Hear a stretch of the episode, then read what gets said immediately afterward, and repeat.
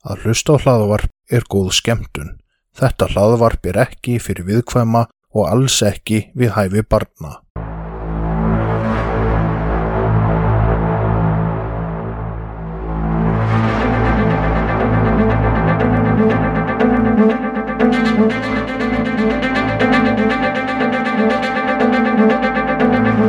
Þetta hlaðvarp er hluti af IK Network. Góða skemmtun. Og þá er komin nýr spennandi þáttur á hvað ætli sé að verið velkomin. Nei. Hvað? Það Átti ég frekar að segja Gunnar Jónas Alfreð á langri loka stefnu fyrir 05? Þarf það alltaf að vera í þessari tóntegund. Gunnar Jónas Alfred, þú veist Já. það að syngja það. Já. Akkur. Og það er komin nýr þáttur á hvað ætli sé að... Ég veit ekki á hverju flugmenn tala alltaf svona. Nei, tala sem meira svona, Já, skilur aldrei hvað ég það, það segja. heyrist þannig en, en þeir tala samt svona. Sko. Allir. Já, og það er ákveðin rinjandi í röddinni sem að heyrist. Að þú eru svona að tala, sko, þú eru svona að frussa í mikrofónin, þannig að enginn skilja þig að þú er hljóma svo fljómaður. Já, nei, ekki ég.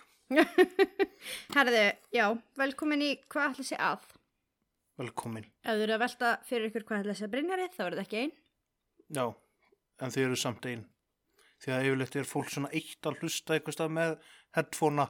Að þau eru eina að pæla í því. en þau eru ekki þau einu sem velta þessu fyrir sér. Nei, þú veltið því mikið og oft fyrir þér. Já, ég er bara þátt sem heitir hvað ætla sé að.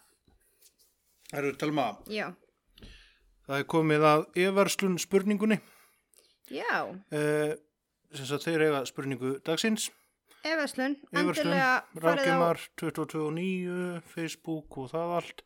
En vá, þetta var, þetta var ekki góð auglýsing, sko. Eitthvað, Everslun, rafgeimar, allt það. Ok, Everslun á Facebook Já. eru með rafgeima í Vespur á fáránlega góðu verði. spurningin... Rafmaksvespur á 22.000, má- má, þú veist, má ekki klára þetta af því að þú veist, þú veist mjög lélegur auglýsandi núna. Ok, Ok, getur þú sagt frá e-verslun? þú varst að því. Nei, þú grýpur alltaf fram í. Ok, Facebook, yfirverslun, rafgemar, vespur, 22.9. Já, þetta er batteri í rafmaksvespur. Já. 20.900. blísýru. En þeir vildu einfaldlega vita Já, hvort er þú positív eða negatív?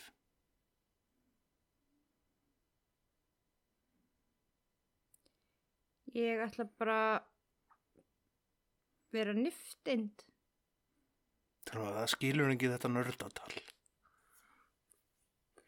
Niftind hefur enga hlæðslu. Ok. Ok, en það svarar ekki spurningunni þeirra. Hvort ertu positív eða negatív? Hvorugt? En hef ég hef enga hlæðslu? Mm. Þú veist, af því að að ef rótind er jákvæð og séðan ertu með rafeind sem er þá neikvæð og svo ertu með niftind sem er hvorugt. Þetta er svo nördalegt. Ég ætla að vera niftind. Ok, ok. En þú, Ég er náttúrulega mjög positív. er það? Já. Ok, en um, það er tvent sem er langið að ræða þarna Ok. í málefni vikunar sem hefur nú ekki tekið fyrir lengi. Já. En ég kom út úr herbygginu mín aðan Já. og mömförd er komið með möllett Já. og þú ert allsber í framann Já. og það, það var engin grendakynning, Nei. það var engin fjölskyldufundur. Nei. Jú, við áttum fundum þetta í morgunni og Gunnar og hann sagði að ég væri miklu sætari þegar ég væri rakaður. Nei, Jú, sagði það, já. bara upp á þurru. Nei, hann sá myndinar af mér rökuðum Já, á okkur saman og sagði, þú ert nú alveg svolítið sætari á þessu myndum heldur en núna. Ok, þannig að þú kaust að taka þið þannig að þú hefðir ekki verið bara sætari þegar þú varst ungur og efnilegur, heldur bara þú varst sérklaus. Uh, rakaður, já, hann sagði það. Að, já, þú með miklu minna skegg. Hann hefur ekki kunni við að segja rosa varst ungur og efnilegur hann það bynni minn. Já, þú félst fyrir mér, þannig. Þannig. Já, Mm þú myndir ekki falla fyrir mér núna. Jú, er það ekki? Umun. Herru, hérna, en að máli málana, erum við með eitthvað skemmtilegt mál? Nei. Nei, ok. Ok. Þá bara þökkum við fyrir að hlusta. Ok. Viltu heyra um mál? Já, ef þú ert með eitthvað mál. Nennir þú að hlusta á málið? Ég er hlusta á öll mál. Nennir að hlusta þess betur en venilega. Ok. Ok, herðu. Ég var búin að lofa mannskvarfi. Ok. Þannig að við ætlum að tala um, herðu já, það er eitt sem ég langar að segja á henni höldum áfram hennar þátt. Mér finnst ég tala svo furðulega í dag. Ég veit að þið finnst það ekki, mér finnst það sko. Þannig að ef ég tala rosa asnalega þá er það bara að því að ég var hjá tannlækni og mér finnst þess að það pínu heyrist að ég tala ekki eins og ég á að tala. Þannig að já, þetta er kannski sínir með þólinnmæði með það. En við ætlum að tala um hvarfið á Karli Gusei. Carly Gousey. Gusei. Karli Gusei. Ok. Já, Karli Gústa. Hvað ætlum hann bara það? Gústa, Gústa Hálsnýrtis. Nei, efast um það sko af því að pappinar hét Sack. Það heitir Sack. En hún fættist þann 13. mæ 2002 og hún er dóttir Sack Gusei og Lindsay.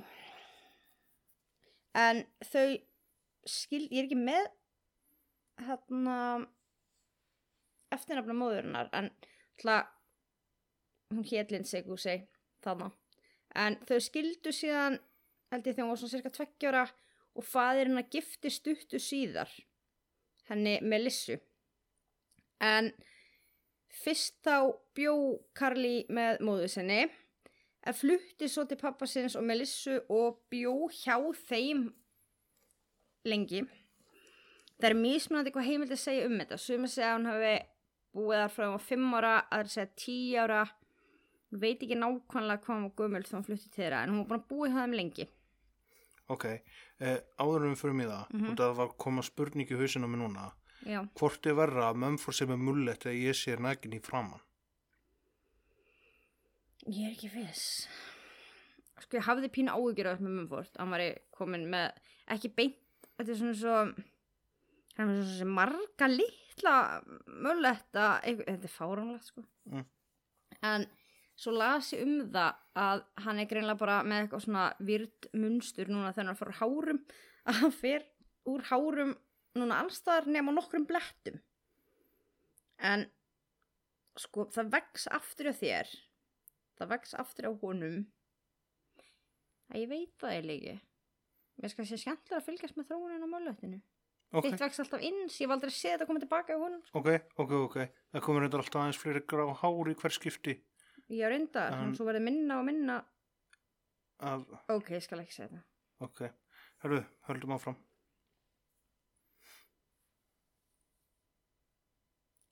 ertu með einhver fleiri, eitthvað fleiri sem vil koma á framfæri bara svona Nei, nei, nei, bara, ég Ok? bara annars hefði ég ekki getað einbytt mér út af því að ég var, hún fekk hana í hausinn. og þú sem möttu ekki neina aðþyklis erfiðleika stríða Nei, En já, í óttúber árið 2018 þá var Karli nýflutt með föðu sínum og Melissu til staðar sem heiti Tjalfont, Tjalfont held ég að að segja það rétt.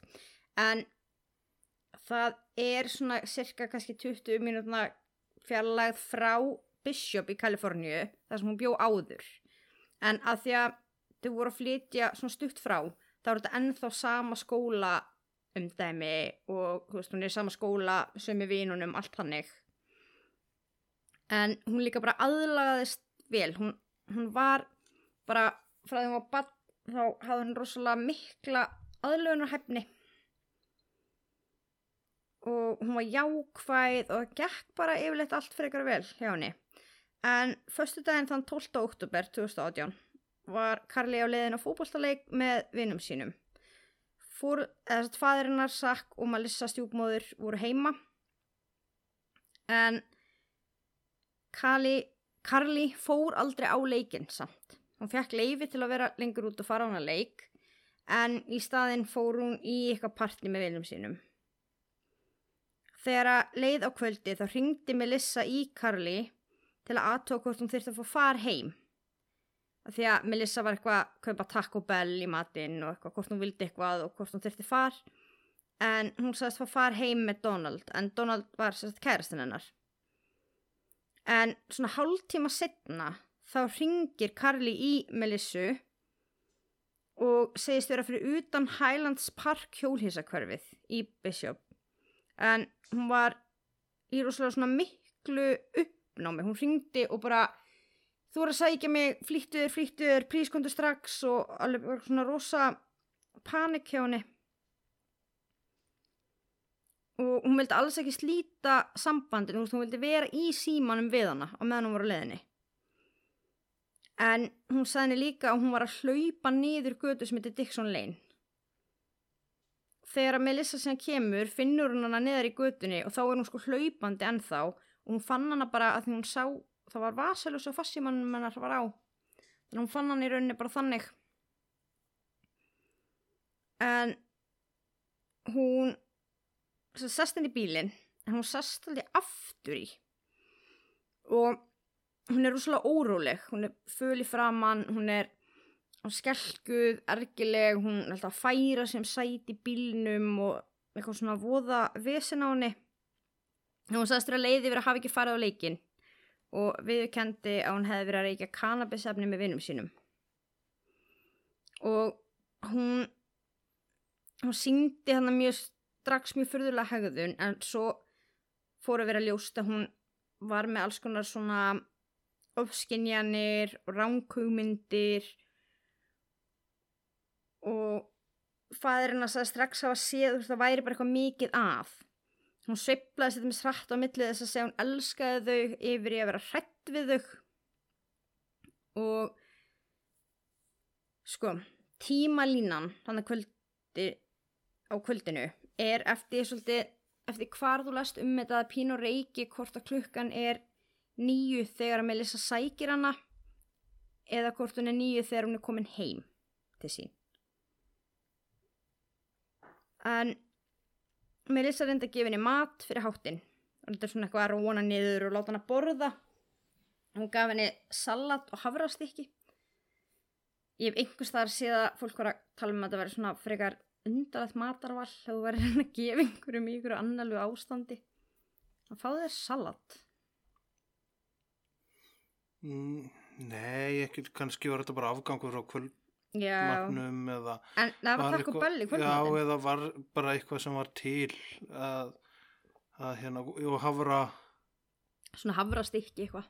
Já, ég meina, er ekki oft talað um að hafrar og svoleiðis náttúrulega drægi vel í sig hún var endur ekki konar. sko Nei, nei, en, en, nei, nei, ég myndi ekki setja eitthvað spurning Nei, mér- mataval, sko. Mér fannst það ekki skrítið en, en sumum þótti það Ég er bara líka röglega fínt ef það vart í ykkur smá fokki skinjunarlega sé að bara fá aðeins vítamín og trefjar og, og svoleiðis bara röglega betra heldur en eitthvað innihalslausar ég er ekki viss sko af því að eina sem heilinni er notar er kolvetni. Heilinni er gengur fyrir kolvetnum. Já, En ok, allavega skiptir ekki máli nema það að sem sagt, Karli leist samt ekkit vola vel á þetta held ég að því að hún byrjar að borða saldið og svo byrjar hún að spýta út úr sér kálinu og kalla það Devil's Lettuce. Þannig að, já, viltu þýða Devil's Lettuce? Djöflasalat. Eða kál djöfulsins eða Já. Já, ok. En náttúrulega það er oft uh, það er líka oft talað um að marihuana sé svona devils letter Lettuce, letters já já, En hún að byrja að rækja út úr sér. já, já, já. en Salatinn, bara ef þú skildir það ekki þá er ofta mér cannabis sem að gengur undir Ég er enda nafni vissi það ekki. nei, ok, Þannig að það er áhugavert. En hún, já, sveiflaðist þannig að milli einhvern veginn að sko vera úslega hrætt við þau og segast elska þau og einhvern veginn tók hún upp á því að hún vildi bara limdi sig á Melissu og vildi bara alltaf vera hjá henni og hún fór bara með henni að busta tennundar og pissa og við erum samt að tala um hún er 16 ára hana Mm. þannig að kannski ekki svona þessi típiska hefðin hjá 16 ára úlingi en svo grátbað hún Melissu um að gista með sér og hún vildi að það myndi að stelpukvöld og hún vildi líta og lakka á henni táneglunar og lesa biblíuna mm Ok, ok, ok. Lita, ok. Táneglur, ok. En eitthvað að lesa biblíuna. Já. Ok. en sko hún var rosa, með rosalega miklar ánkvömyndur og ofskinjanir þannig og Melissa tók síman sinn og hún tók hana upp. Og þá var hann alltaf að segja eitthvað viltu ringja í neðalínuna? Og Melissa segja það er ekkert að. Þú veist, akkur, ég er ekki að fara að ringja, það er ekkert að. Já en eitthvað svo sá hún eitthvað svona, já, farið fara bara að sofa. Og þá segir Karli, nei, ég þór ekki að fara að sofa ég er hættum að þú drepi mig. Og þá, þú veist, að því hún var alltaf nýbúin að samt þeirra beða um að vera hjá sér. Og hún er eitthvað svona, nei, það, þú veist, okkur ætti ég að drepa þig, þú veist, látt ekki svona eitthvað og reynir svona að tala við hana. Og þá sagði hann eitthvað, já, sorry, þú veist, ég bara hugsa eitthvað rosa svona hljótar hugsanir og eitthvað. Og svo einhverjum tímapunkti þá sko fær hún rosa sektakent og líður rosa illa og Melissa reynir eitthvað að hugga hana og segir þú veist við höfum öll gert eitthvað sem við sjáum eftir og kannski sérstaklega þá að prófa eitthvað svona eitulif eða eitthvað svoleiðis. Og hún verist vera eiginlega bara mest megnis alla nóttina er hann að ná henni niður. Og á meðan hún er hann að róa hann þá er hann öðru hverju að senda SMS á vininnar og á Donald kærastan hennar. En hann um nóttina þá var sko síðasta SMS-i sem hún sendi var á Donald klukkan 5.38 um morgunin. En það kom síðan ljós að Donald sem hefði alltaf að keira hana heim hún hefði alltaf bara hlaupið í burti frá hann og stungið hann af. Og hún hafði í þessu parti alltaf hrætt við tónlistina hún hefði verið hrætt við hann og fór að hefða sér undala en hún var búin að vera vist með einhverja ránkhugmyndir áður Já.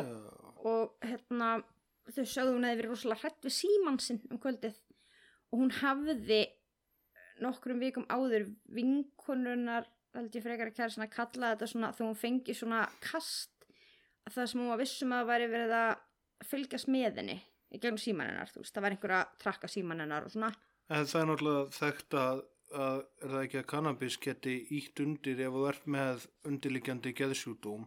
Jú, einmitt, og hún hafði nefnilega nokkrum vikum áður verið tekin með cannabis eitthvað sem sé skólanum og þurfti að fara í eitthvað svona ráðgjöf og eitthvað Mm.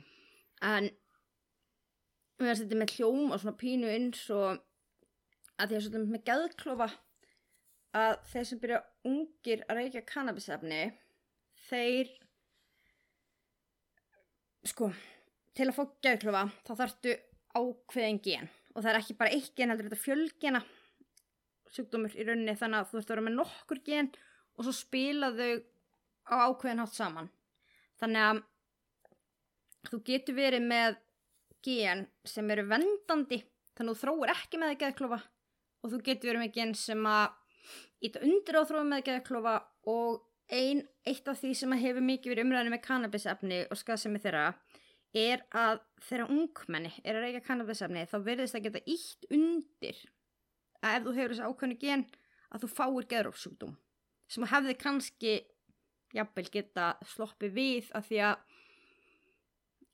eða fengið setna eða ekki þú veist, það er eftir að segja en það er allavega vísindamönnum ber saman um það að á úlingshaldri þá ítir kannabis undir líkunar á geðrófi Mm var, var hún þá bara í ykkur þannig ástandi eða? Ég nefnilega er ekki viss að mér finnst að pínur hljóma þannig. Mm, sérstaklega svona þessar rángugmyndir allar. Já um, en hún sendi sér þarna síðasta SMS sem hún meðlega sagði kl. 5.38 þá sopnar hún og klukkan 7.15 vaknar hún og þá er Melissa horfin.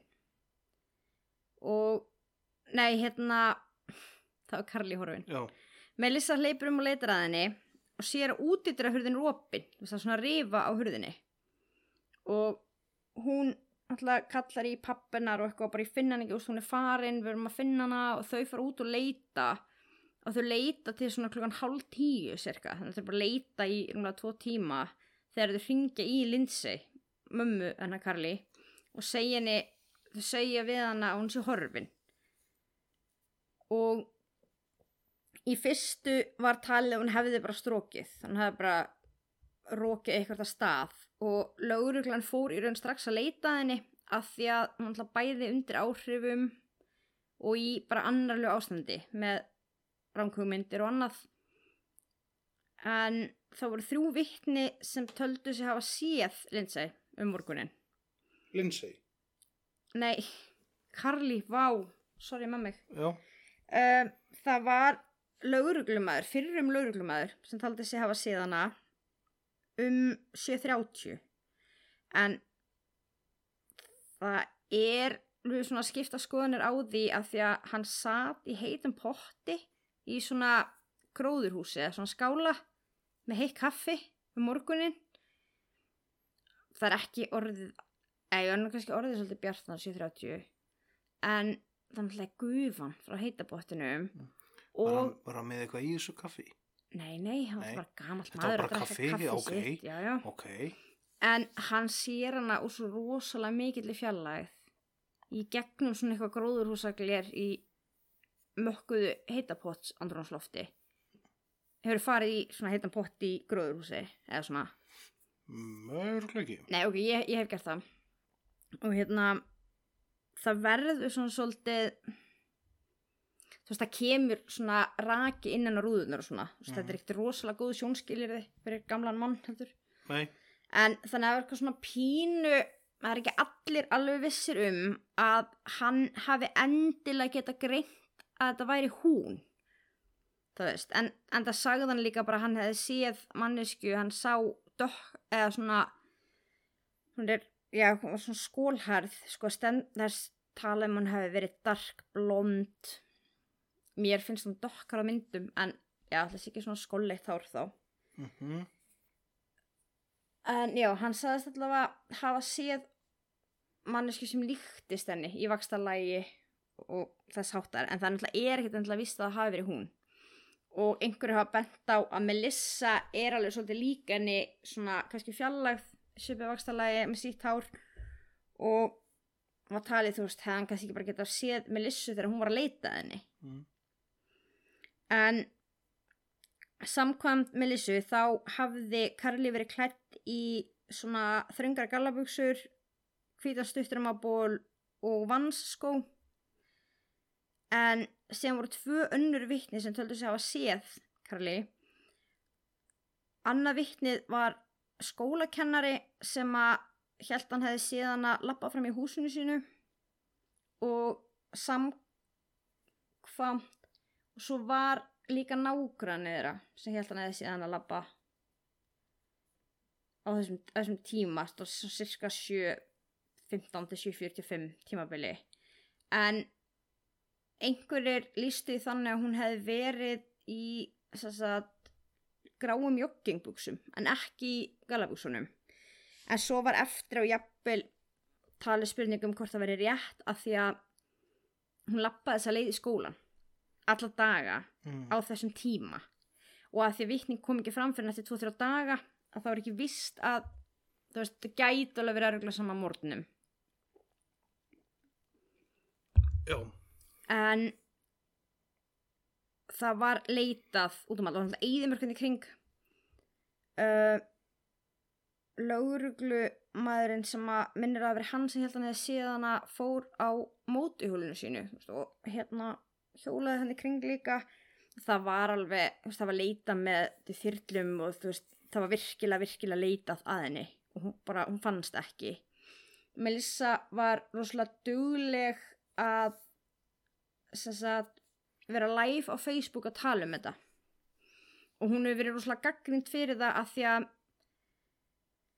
það breyttist alltaf aðeins sagan hennar. Mm. og er reyndar sko að því þegar það breytist sagan og fólk segir, þú veist, já þá er þetta ekki trúverðugur að því sagan er ekki alltaf eins. En það er nefnilega öfugt. Oft eru þeir, ég er ekki að segja í þessu tilfelli en í eiginlega flest skipti samkvæmt drættasálfræðinu talið að þegar saga breytist aldrei neitt þá er hún efð eða tilbúin þú veist, að því að minni er ekki minnið er ekki eins og minnbansustaka minningar breytast eftir að vera til. Þannig að og eins og með Lisa sagði með buksnar að þá sá hún ykkur tíma hún hefður örugglega verið í joggingbuksum eftir að vittnin sögðu það. En svo sá hún líka setna með hún ábara rosalega mikið af fötum og kannski bara erfitt að átta sig á því hvað þú veist var ekki í skápnum. Um, við eigum alltaf bat sem er næstum úlingur ég get ekki verið viss um hvaða buksur vantaði í skáp hjá honum. Nei, en maður getur örugglega, það er mjög líklegt að hann sé í svörtu galabuksunum já, já, já. En, en En ekki það var einmitt þannig, hún held það bara að því hún var vist mjög mikið í svona skinny jeans, þannig að, Mhm, Já, en en- það, svo var líka talað um og þau, sko, það var rosa ósætti að því að Lindsay mammenar var samfærð um að Melissa og jafnvel pappinar hefðu eitthvað með hvarfið á hún að gera og þau vissu meira en þau sögðu. Og í rauninni þá sko var það talað um að því að Melissa hefði látið þrýfa bílinn sinn töndum eftir hvarf. En hún var að líta enn svo sem í yðimörkinni og þá var einkenning að hún hefði kyrt óvart á hana og losa sig við líka henni og sem sagt látið þrýfa bílinn. En hefði það ekki eitthvað komið fram og bara herði já, ég þrýf blóða þessum bíl hjá henni. Mm, já Þú fara meðan einhvern annað í þrif þá? sko hvernig var það? Sko ef að þú keirir á ykkur ná 30 þá eru 10% líkur á að viðkomandi láti lífið. Já, það var ekki minna á Eh, það jú, jú, jú, þá, jú, en það, nei, það var sem sagt, einn af hverjum 10 eða sem slasast alvarlega. Það slasast, já, já, en sko 50 var það þá ekki komið upp í 70% sem sagt, Ég sem minni sagt það. 30% sem að slasast alvarlega. Þannig að eitthvað lítur nú þó að hafa kyrtrætt ef, ef að það er rétt. Já, eh, sem að þýðir þá líka að ef hún hefði látið lífið, hvað var það ekki 70 eða hvað var? Sko þú getur faktist alveg dáið ef einhver keirir á það 30 held ég. Líkunar eru bara mjög litlar. Já, en, en sko ok, ég hef samt að gefa mig bara með að við svona þetta dæmi mm að En við sko náttúrulega á hraðanum að á, það, það hlýtur líka að sjást á bílnum Já, það, maður það hefði kemur haldið það. dæld eitthvað staðar eða eitthvað þannig. Maður hefði haldið það. Og svo líka var talað um að fannst eitthvað, fólki fannst skrítið að hún hefði verið tekin upp um kvöldið.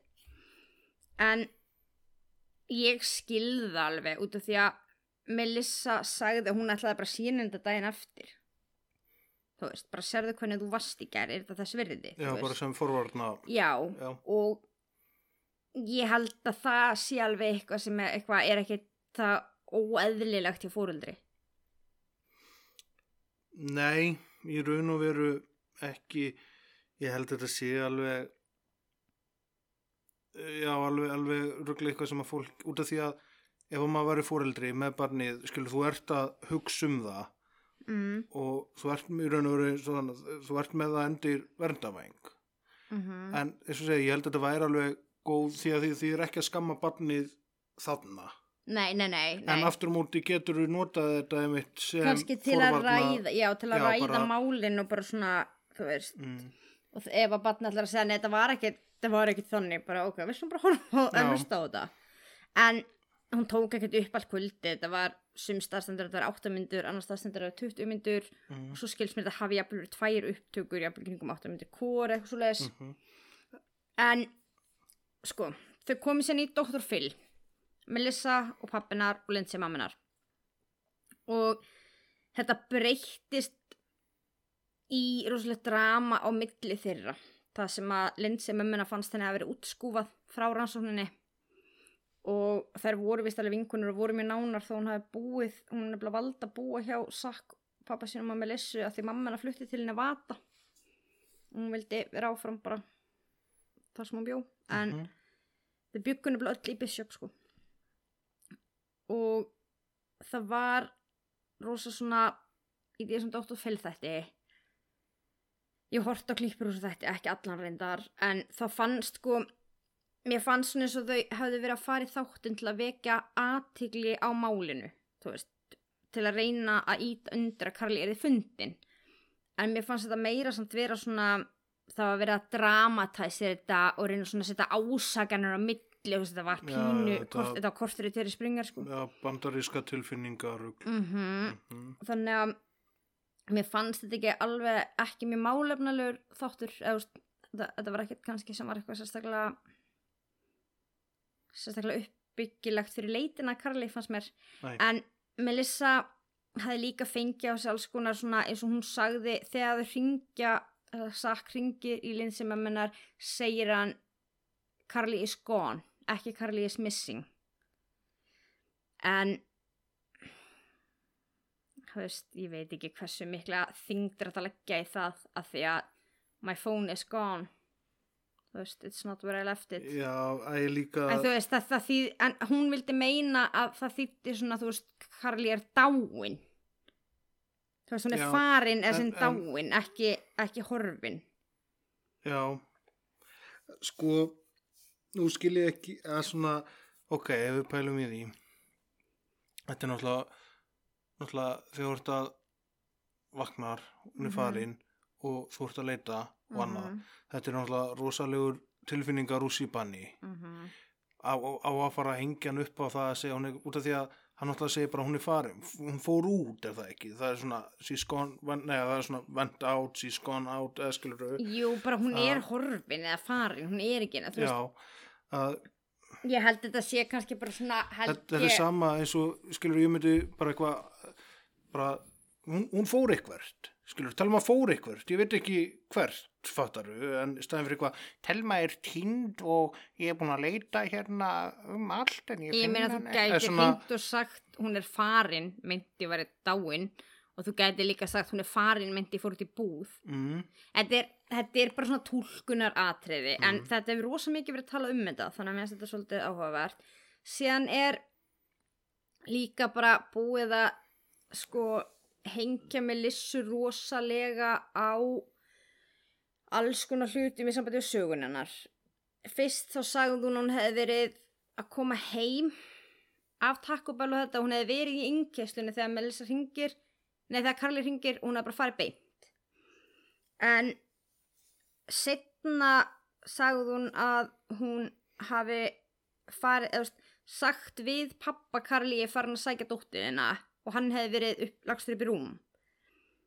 Ok, ég meina kannski var hún í bílnum og hoppaði inn og sagði hún það og fór svo beint. Eða þú veist ég held að skipti kannski ekki öllu máli að því að hún er náttúrulega líka bara rosalega miklu uppnám hún er að segja frá þessu svona En- að því tímalína verið standast sko. En er þetta samt ekki það stórt atrið og þú ættir alveg að muna eftir því þegar hún ringir í uppnámi? Hvar þú mannst það frekar heldur en Já, en kannski þegar hún er spurð fyrst, ok, og hringdi hún og hvað þá? Bara, ef hún hringdi, ég var fyrir utan og ég fór bara beint að sækjana, en þannig kannski bara slefti að segja, ég hljópin, sagði við pappinar ég farin, fór aftur til bíl og fór beint. Það veist, getur náttúrulega sagt, já, ég bara, ég fór strax að sækjana eða eitthvað. Fattar þau? já, já, já, En getur vel verið að hún hafi bara í öllu panikinu glemt að minnast á það þó hún hafi kannski vitað það, mm, skiluru. Að frásögnin er þannig, og þú veist, minni breytist eftir á. Þannig að kannski við líka bara alltaf verið að segja við hana, já en ég minna, fórst ekki inn, sagðir ekki pappinar og verður að sækina, sagðir hún ekki að vera eitthvað að og þá getur hún verið búin að breyta minningunni. Mm, að sefna með náttúrulega er þannig að minningarnar okkar breytast eftir samtöl við aðra. Og hérna og þetta er svo langu tími þú veist það er alltaf verið að hlusta á eitthvað sem hún hefur sagt og aftur eftir ár og bara að náði þér finnst mér pínu mm, hún sagði líka á einhverjum stað að hún hefði sofið alla nóttina í rúminu á Karli já, og svo sagði hún á öðrum getur hætt þessu? Já. Ok, takk. Að þetta heyrist örugglega í mikrofónum þú ert að kroppa nei, nei, ég er ekki að kroppa. Nei, ok, það en- bara, já, ég, ég veit það er eitthvað hárana, getur þú hætt samt? Takk. Hvað, hérna, akkur ertu ekki með neitt? Akkur ertu ekki að fytla við neitt í höndunum maður Þú ert alltaf að banna mér það. já, þú ert alltaf að búið ykkur læti en þú ert farin að kroppa við mikrofónin þá er örugglega betra, Ok, alltaf fram að segja. maybe bara eftir þér Nei, talaðu. ok, hérna í einni eitt frásagnaliðurinn sem breyttist var að hún sagðist hafa sofið inni hjá Karli alla nóttina hún er vaknað kl. 5.45 séð að Karli var vakandi með opinu augun og sopnað aftur vaknað síðan hann að 7.15 minni mig. En í annari frásögn sagðist hún hafa sofið inni hjá sér vaknaði morgunin tjekkað á öllum krokkunum og sopnað aftur. Um, og það er löngu setna sem hún segið en málið það, ok, kannski vaknaði hún mjög oft eins og bara eins og ég. Ég vakna flest alla nættur um 5 eða 6 eða eitthvað því er alltaf vaknandi. Og það er svona spurning kannski var hún inni hjá Karli og tjekkaði á hinnum krökkunum. Kannski fannst henni bara eins og hún hefði tjekkað á hinnum krökkunum að því hún gerði það alla aðra mótna. Þú veist, mað, mað veit, ég veit ekki mér finnst þetta ekki nóg til að segja að hún að, að hún hafi gert eitthvað sagnæmt. En, nei, ekki sag, en sko, stórir atbyrðir, eins og segi, þú hlýtur að muna samt hvort þú svafst inn í hjá Karli eða hvort þú svafst inn í herberginu þínu. Þú hlýtur að muna það. Já, en hún, hún sko hún lá með henni alla nóttina Mhm. kannski fór hún eitthvað inn til sín og laðist og sagði nokkur orðið um mannin sinn eða eitthvað og aftur tilbaka, þú veist ma- maður veit það ekki Mhm. en jú, og ég meina og kannski, kannski laugun ykkur um það, kannski fannst henni hljóma betra að sagt hún hefði verið hann inni hjá henni. En, en kannski var hún það ekki því kannski kendi hún sér um það og var að reyna eitthvað en eitthvað, ég veit Mhm. það ekki. En sko móðir hennar finnst líklegast að hún hafi kannski bara líka overdósað er sem ekki endilega bara verið cannabis af því það hefur alveg búið upp í getgóttur um að það hafi jafnvel verið eitthvað annað. Og hún hefur kannski bara overdósað og í rauninni þannig að þegar hún segist það að vakna 5.45 kíkt á hana og hún opin augun þá hefði hún kannski bara verið látin. Og þú veist þau hefur verið að hilma yfir það. Mhm. en ég veit ekki En sko, reyndar, mér finnst mjög skrítið mm, að ef að sko stórir atbyrðir í frásögnin er að breytast skilur það er eitthvað, finnst mér ef að það er eitthvað smá skilur hvar listu pennan frá þér eða eitthvað, skilur þú manst ekki hvort þú lest hann í hillu 2 og 3 eða eitthvað, en sko einmitt hvort þú hoppaðir til að segja manninum að þú væri að fara að ná í hann eða ekki, eða hvort þú varst í innkíslun og fórst tilbaka, hvort þú svafst upp í hjá henni eða inn í herbergun hjá henni eða ekki. Út af því ég myndi halda að þessi stóru atbyrðir þú ættir að muna þá. En þetta er ekki byggt á frásögnana við lögruglu, þessar sögubreitingar. Þetta er byggt á samtölum við aðra ok og vídeo, ykkur Facebook Live og eitthvað svona dóti. mm. Um, sko, en það er þannig með sefnami að það eru stórir atbyrðir sem brenglast, ég meina, og ég skrifa þetta hellingu svona minnisbrenglarinn á yllverk.is að náttúrulega Guðmundur og Girfinns málið það var náttúrulega mjög gott til að taka um svona tilbúnar minningar og rugg Sture Bergvól þú veist ha- hann var eini frægasti frægasti jafnvel eini fjöldamanningin Svíþjóð. Hann drap aldrei neitt en hann var samfæður um það sjálfur samt það er bara að tella um trú um það. Ef þú svona ríin aktmenn það endurleika hlut að endurleika atbyrður ás getur samfært þig um að þú hafir framkvæmt þannig að þú hafir aldrei gert það. Undir ákveðnum skilur þeim þannig að ég held að við leggjum oft ofmikla trú í minni að því minni er ekki eins og við höldum og stundum þegar fólk lendir í ykkur svona áfalli þá líka bara lokast minnið og þú kannski bara mannst ekki neitt ekki eins og stóru hluti. Já, ok. En út af því að ég veit, það er náttúrulega hún er bara þá að segja sjálf frá þessu samt en samt þess að hann að breytast. Ef, að þú, ef að ég er að segja þér frá hvað ég kipti í búðinni þá er engin annar að hafa áhrif á minninguna heldur en ég og það sem ég er að hugsa hvernig atbyrðunar var. Jú, Þú ef ég fyrir að ekki- spyrja, ef ég segi við þig, Nei, ég er að tala bara hérna, ef ég eitthvað svona, já, sæl, herðu, ég kifti þetta og þetta og þetta og þetta, en út af því en þú hlýtur á að kipta tómata? Kifti, og þá fyrir að hugsa byrju, nei, jú, ég vissum að, veist, þú hlýtur á að kipta tómata. en í þessu live-vídeóum var ykkur að tala Já, við fólk hana. er að senda komment og spurningar og alls konar. Ok, Og líka, þú veist, þetta er bara byggt á, það er bara búið að taka saman allt sem hún hefur sagt hann á þessum tíma og það er, það er ekkert enda alltaf í samhengi heldur. Það fylgir ekki með var verið að spurna leiðandi spurninga af hverju, þú veist, það er það sem ég er að meina, við vitum ekki alveg samhengið og mist það, þetta eitt og sér ekki vera nóg til að um, til að hún sé endilega sakborningur í þessu máli. En það sem að mér finnst að því að Carly Goussey hefur aldrei fundist ennþá. Og þetta er núna varða komið þrjú ár síðan og hvarf. Það sem að mér fannst eiginlega mjög, mjög áhugaverð samt við þetta mál var að þegar hún er að beða um að hringa neðalínuna og hún segi nei það er ekkert að og eitthvað. Ég hef farið með batnið mitt til læknis út af miklu minni hlutum heldur en ránkugmyndum já, og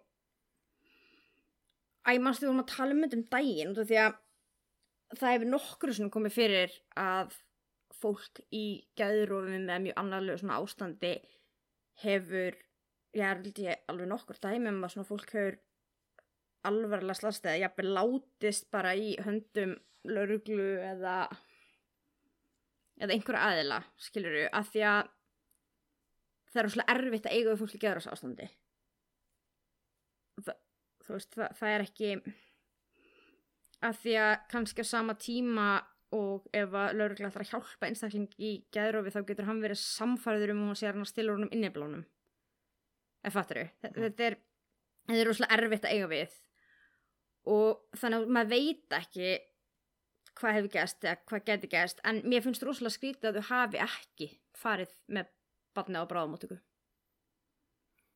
en að samaskapi þá sagður um þetta að það náðan eitthvað, já, við höfum öll eitthvað þegar við vorum ung og eitthvað. Já, en, en þú er samt En- að tala um svona alvarlegt, þú veist, Devil's Letters og biblíulestur og hún er Mm. vissum að þú ætla að drepa hana og, Já, já, já, vissulega, vissulega. eða, veist, ég, og hún er að byggja um að ringja í neðlina, ok, ég persónulega Mm. hefði farið með batnið undir læknisendur þannig.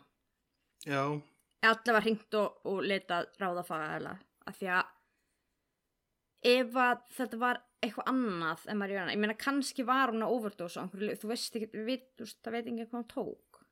nei, þannig að já, mér finnst það kannski svona eða það sem stendur upp úr sögunni var af hverju ekki mm. og sakkfæðurna sagðist það fengið sem nokkra bjór eftir vinnu og svona bara sopna þetta hljóma svolítið eins og hann hafi verið samt mjög ölvaður svona eins og að því að Melissa er að vaka yfir henni hann já, hann virtist ekkert einhvern veginn hafa verið mjög mikið með atbyrðar og svona á hreinu þarna Mm. og hún verðist þá að verið að vaka yfir Karli og líka koma sko yngri börnunni þeir í rúmið og þetta verðist einhvern veginn hann verið svolítið að verið fjárverandi í þessum frásögnum. En já, það var ein getgáta líka. Það var sem sagt að vittnin sá Karli Lappa áttina sem hann á að hafa gengið í. Það er sagt átt út að þjóðvegi. Og alltaf það kemur eða það er svona þekkt að fólki sé rænt í mannsal og annað á svona þjóðvegum. Þannig að það er einkenning. En hinga til þá hefur Karlíku segi aldrei fyndist ok, þetta er mjög undarlegt mál samt. Hún bara hverfur úr rúminu sínu.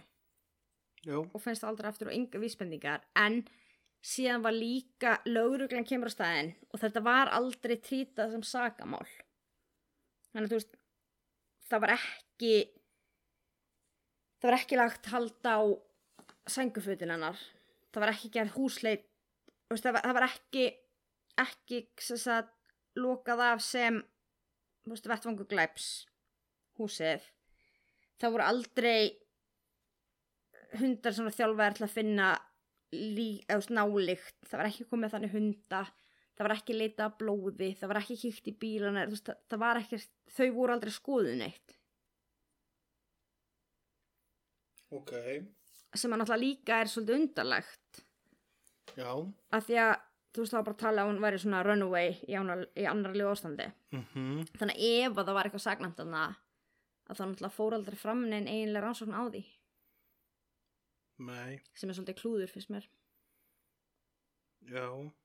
Jú, vissulega sko að að hérna því að myndur ekki vilja sem rannsakandi svona fór það að skilur koma í veg fyrir allt? Já þú getur náttúrulega ekki rannsakað eftir á. Nei, en hvað heldur þú að hafa voruð um hana?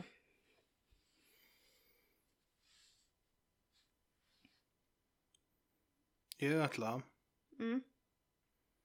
að halda já, að þú hérna með að, að, að hún hafi overdósað mm. og hún sé falin einhver staðar í eðumörkinni. já, mér finnst það reyndar ekki úsannlega kenning Sko mér finnst meiri líkur á því heldur en að hún hafi farið út á þjóðveg og verið reynd í mannsal. Já. Já, það getur náttúrulega verið að vitnin hafi rugglað saman dögum og annað. En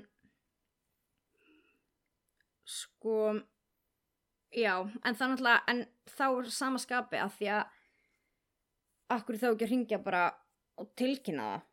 Þú veist, ringja sjúkrabíl, ringja lauruglu að þá ertu samt með þetta að það, það mér finnst að hafi verið vannræksla að koma bæðin ekki til læknisendur hún er Mhm. 16 ára, þarna, hún er barn Já, það hefði ekki getað flokað sem orða gáleysi eða eitthvað.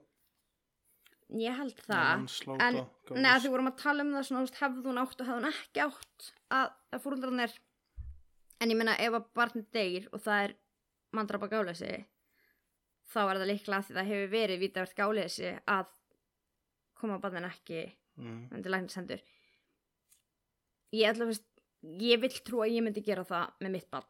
Maður svo sem getur aldrei það er svo gott að sitja hérna og hugsa um þetta eftir og bara já ég myndi gera þetta. En ég vill trúa því. Já, að það heldur það ekki. Jú.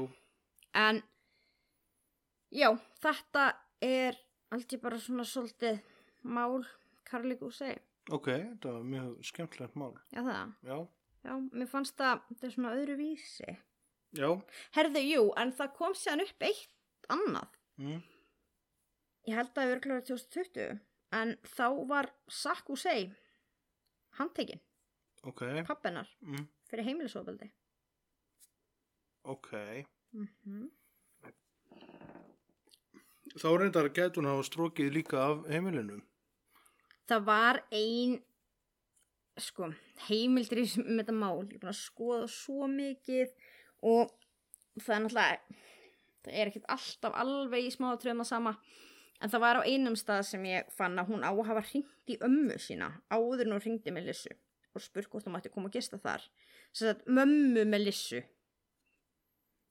Mm. sem sagt, já, Mhm. náttúrulega stjúpa ammennar en, en Mhm. hún var náinn henni bara kalla hann ömmu sína og ammennar segi nei ekki núna eitthvað svona og það, það var eitt af því sem var talið benda til þess að hún hafi viljað ekki viljað fara heim en með kannski líka bara var hún í annarlu ástandi og þorði ekki alveg að fara heim og hugsaði bara eitthvað, æ, amma fattar. Já, eða eitthvað en, en bara, eh, mér finnst samt við þessar upplýsingar líka málið uh, breyta strax því að, jú, ok, út af því að, að líka eins og bara maður horfur allt öðruvísi að það núna að fekk sér nokkra bjór eftir vinnu en var það þá bara áfengistöður og, og svoleiði skilur verið þá bara Var veit, þetta, var, þetta, var þetta í fyrsta skipti sem hann er eitthvað að beita heimilisofbeldi eða var þetta í hundraðasta skiptið það og ef hann reynir að hringja ömmu sína og vill ekki fara heim og annað sko.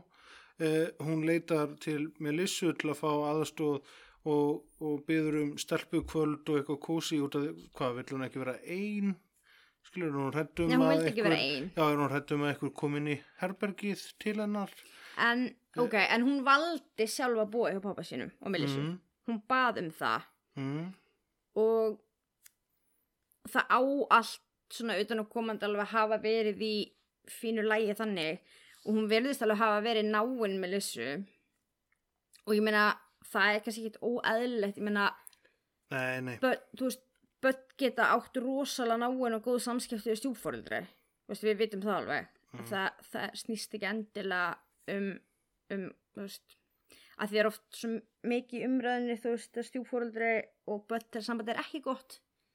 En það er kannski sjálfnæður að tala um að þú veist stjúfóreldrar eiga oft frábær samskipti við stjúfbörn en líka það, ok kannski í ömmu sína því hún vildi ekki vera skömmið heima á sér eða eitthvað. Mm. það getur alveg verið. Eða kannski bara langaði henni að fara þangað og kannski líka að því maður hugsa ok, eins og þú sagðir, kannski hvað er hann búin að vera ofta beita ofbeldi og eitthvað en hvað ef að allt hefur bara farið til fjandans hjá honum eftir að hún hvarf Mm, já, ef þú hefði þá myndi tvær hendur og hundi. Já, ég meina það þýðir kannski ekki endilega að beitt heimilisofbeldi áður Þú veist, ég meina Nei, það, nei, það hefur sem alveg gerst að fólk lendir í Nei. ykkur svona fyrir að drakka illa og, og hluti fara á böndunum hjá því Já, já, vissulega. Nei, bara svona að, eins og, já, ef þú hefði þá um myndi Mhm. tvær hendur og hundi. Þetta er, já, þetta er nefnilega mjög, mjög aðteglisvert allt saman. Mm. En já, þetta er svona málið sem að ég var með. En, En, ef við ekki að taka samt frétta, hvort ef að byrja á fréttahorni eða títólk? er TikTok núna? Já, Já, herðu, ok, ef að taka örstuð fréttahot já, og svo TikTok. ok, Herðu, ég er með COVID-mál. ok. Yay, COVID. Nei, hérna, ok, fyrir í vikunni var maður frá suður hluta Illinois í bandaríkunum að Larry D. Cavett 68 ára var ákærður fyrir að hafa orðið hálbróðu sínum Joseph E. G-man að bana en sko, þeir byggu hlið við hlið Mm, og þeir voru að rífast um COVID-bólusetningar ok, og, sagt, og þá er talið að Kavit hafi bara tekið upp skambissu og skoti bröðu sinn í höfuðið. Já, að þeir voru að rífast um þetta. Ok, það var engin átök það var ekki, veist, það var ekki slagsmála neitt. Þeir voru bara að rífast um COVID-bólusetningu og hann bara tekur upp biss og skýtur hann í hausinn. Já, uh, Mhm. ok, bara, já, og þú veist hálfbróður hann sem að skaut, þetta var bara maður sem var giftur og átti fjögur börn og hann var bara leiðin á eftirlunni í desember og svona bara, kósi uh, ok, þú veist, það, þetta er svo fáránlegt sko. Herðu, nei, svo var hann bara sleppt á tryggingu. Hann er náttúrulega greinulega ekki tættulegur öðrum. Nei, alls ekki, en sko. hún var samt sagt að hann ætti ekki að vera með skotvopn. No shit, ah, nei, ok, bara. Jú, þetta eru akkur er alltaf bandaríkin þegar maður finnur eitthvað svona gjössamlega fáránlegt í fréttum? Það vill oft vera þannig, sko. en já, ég held að við ljúkum bara frétt á henni með þessari innur það er rosalega erfitt að toppa þetta. Já, svo er þetta eitthvað skjórið langt þegar að- eftir að taka T-Talk ok, ef þú ekki skell okkur í það. herðu, jú, vindum okkur í T-Talk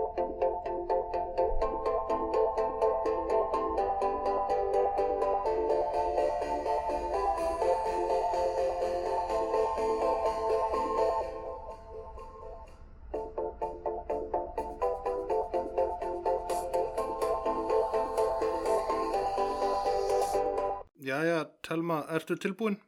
Jáp, Ok, ef við þá byrja á, á hammingunni. og þú segir þetta svona þá bara, ó, hvað er að fara að koma?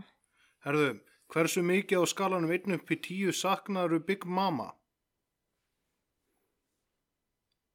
Ok, giska og Big Mama í þessu spurningu. Já, Hversu mikið, um, 7,5. ok, En hún má samt fara að kíkja í inboxið sitt. ok. Herðu, e, ef þú þarft að fá þér annað dýr, hvaða dýr myndur þú fá þér? Ef ég þarf, Já,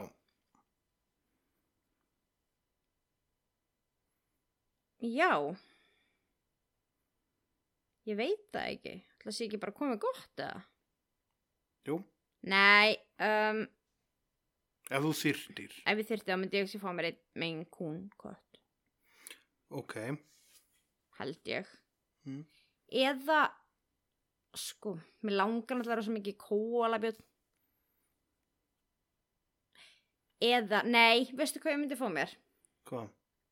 Ég myndi fá mér Flemish Giant kanínu Hvernig kynntistu eiginmanninu? Já, bara eitthvað fullur að ríða kjáft og bekk, Já, flúðum Mm. Pirrandi gaurmaður mjög. Eh, Ætlið einhver tíman að vera með live show eða pub quiz? Ætli við? Já. Ó um, Við getum alveg gert það Ok. um, Ok, já, við, við skulum alveg gera það að það er áhugi fyrir því Mhm. Ok, greinilega. Takk. Já, nei, er þetta ekki tíþokk? Er ekki að jú, spyrja jú, mig? jú, jú. Ok, Ok, fyrir ekki, ég skal umorða það Ég er alveg til í það ef að það er áhugi fyrir því ok. Uh, sko, hérna er einn þrý þætt uppáhalds podcast, bíómynd og lag. Já Uppáhalds podcast Mhm. Herðu, þá hendum við bara í illverk þar Big Mama Mm. fær uppáhalds podcastið uppáhalds bíómynd sko, það er svo erfitt að velja eina en ég ætla að segja akkurat núna er það Englar Alheimsins Ok. Og lag? lag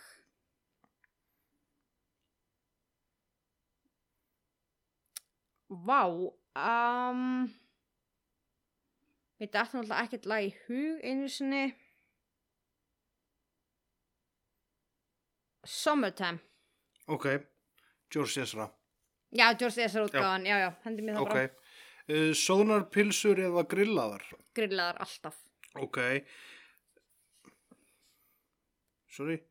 Uh, hérna, Hvað eru marga spurningar í þessu eiginlega? smokkur eða pillan? Smokkur eða pillan? Já. Ég veit það ekki Ok. Já, þú veist, það fer eftir aðstæðum Já, já, já, ok, ok. Já, ég ætla, ég ætla að segja að fer eftir aðstæðum Ok. Skemmtistöðasleikur eða mömmukoss? Það fer nefnilega eftir í bynni hérna, hvort það er með þér eða einhverjum öðrum Já, Nei, tjók, ok. tjók Já, já, já. Ok, nei, hann fyrir eftir Ok, hvað séu, skemmtist það að sleika það Mömmukoss. Já, um Ég er náttúrulega Það er svo langt sem ég farið í skemmtist það að sleika sko. Þannig að ég man ekki hvernig það var Þannig að ég ætla bara Ég ætla bara að milli við en að segja bara sleik heima hjá mér Ok.